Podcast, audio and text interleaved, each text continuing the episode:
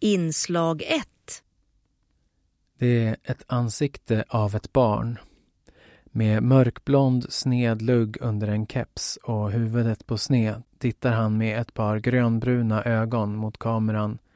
Läpparna är lätt ihopknipta med antydan till ett försiktigt leende på mungiporna. Han blev 13 år gammal och han hette Milo. Han dödades som ett av offren i de allt brutalare mord och hämndaktioner som gängbrottsligheten står för i Sverige. Med tillåtelse av Milos familj har åklagaren offentliggjort bilden av honom och den har publicerats i flera stora medier senaste veckan. I Svenska Dagbladet skriver journalisten Henrik Torehammar att statistiken över offer som ansiktslösa siffror inte berör men vi kan ta in det när vi får namn och bild på den som drabbas. Han drar en parallell till den livlösa tvååringen Allan Kurdis kropp på en strand vid Medelhavet år 2015 som många förknippar med flyktingkrisens topp. Om vi tittar vidare på Milos ansikte under hans ljusbruna ögonbryn så kan vi av skuggorna i ansiktet avgöra att näsan är liten och rundad en markerad amorbåge på överläppen och en liten grop i hakan. Hans hy är ljus och kanske är det en faktor som också påverkar att just den här bilden får mycket uppmärksamhet.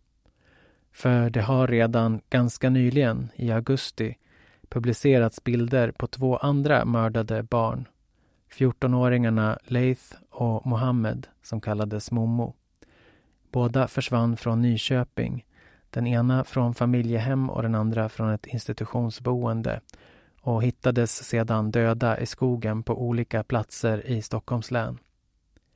Mohammed har krulligt hår med en viss volym som faller ner längs sidorna över öronen. Han har en skugga av en tonårsmustasch på överläppen och hans hud har en mörkare ton än Leith som har tjocka ögonbryn, mörka ögon och också han en tunn mustasch ovanför ett par ganska fylliga läppar. Varför var inte dessa bilder en väckarklocka för samhället, skriver Svenska Dagbladets krönikör. Kanske har det betydelse vem man frågar. De som har barn eller släktingar som liknar barnet på bilden kan av delvis förståeliga skäl relatera mer.